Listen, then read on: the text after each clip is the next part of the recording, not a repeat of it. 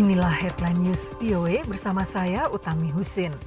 Penyanyi Amerika Akon mengatakan akan melanjutkan rencananya untuk mulai membangun kota futuristis Akon City yang berbiaya 6 miliar dolar di Senegal tahun depan. Pada hari Senin, Akon bersama pejabat pemerintah Senegal mengunjungi lokasi proyek pembangunan itu di daerah pedesaan Mbodiana, jauh di luar ibu kota Dakar. Penyanyi yang nama aslinya Aliuan Thiam ini mengatakan ia melihat kota Icon akan menjadi permulaan masa depan Afrika yang dilengkapi dengan teknologi terbaru mata uang kripto. Econ, putra pasangan Senegal yang menghabiskan masa kecilnya di negara di Afrika Barat itu, juga berharap proyek Econ City akan menyediakan lapangan pekerjaan yang sangat dibutuhkan warga Senegal dan menjadi tempat berlindung warga kulit hitam Amerika dan lainnya yang menghadapi masalah rasial. Proyek Icon yang diumumkan pertama kali dua tahun lalu telah membuatnya disukai pihak berwenang Senegal yang memujinya karena ia berinvestasi di Afrika pada saat pariwisata global sedang tidak menentu. Banyak negara bagian di India yang melonggarkan pembatasan-pembatasan terkait virus corona pada hari Selasa dengan mengizinkan lebih banyak lagi bisnis dan tempat umum dibuka kembali untuk mengurangi kesulitan ekonomi yang disebabkan virus tersebut. Meskipun tingkat penambahan kasus harian di negara itu masih menjadi yang tertinggi di dunia, jumlah kasus virus corona terkonfirmasi di negara itu kini mendekati 3,7 juta. Sehari sebelumnya, pemerintah melaporkan bahwa ekonomi terkontraksi 23,9 persen pada periode April-Juni, kinerja terburuk setidaknya dalam 24 tahun ini.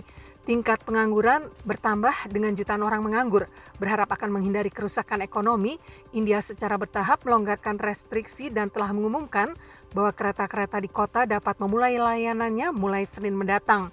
India telah melaporkan penambahan kasus tertinggi dalam satu hari di dunia selama hampir tiga pekan ini. Hari Selasa, India mencatat 69.921 kasus baru virus corona. Lebih dari 65.000 orang telah meninggal karena virus ini.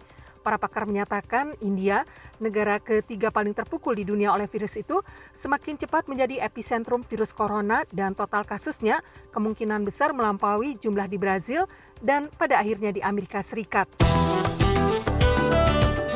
Ingin tahu berita menarik, terkini, dan terpercaya? Ikuti kami di Instagram at VOA Indonesia.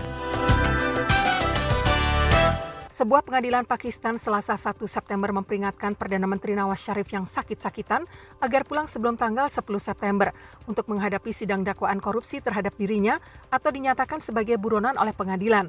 Sharif berada di London sejak pihak berwenang memberi izin November tahun lalu untuk mencari pengobatan di luar negeri. Ia sendiri ketika itu sedang menjalani masa hukuman penjara 7 tahun karena dinyatakan bersalah pada 2018 atas kasus korupsi dan pencucian uang. Ia juga menghadapi sejumlah gugatan korupsi lain. Pengadilan Lahore yang memberi izin Syarif sebetulnya hanya memberi waktu empat pekan untuk berobat, dengan kemungkinan diperpanjang bila ia tidak mampu bepergian setelahnya.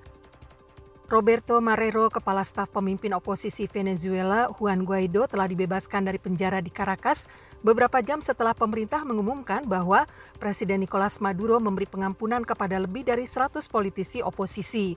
Menteri Komunikasi Venezuela, Jorge Rodriguez, mengatakan niat pemerintah adalah untuk memperdalam proses rekonsiliasi nasional sehingga masalah politik dapat diselesaikan secara damai dan melalui pemilu. Guaido yang mendeklarasikan diri sebagai penjabat Presiden Venezuela dan sejumlah tokoh oposisi telah bertekad akan memboikot pemilu karena khawatir akan kurangnya transparansi. Henry Ramos Alup, Ketua Partai Aksi Demokrasi, partai tertua di Venezuela, termasuk di antara mereka yang diampuni. Selain sejumlah individu yang belum selesai diadili,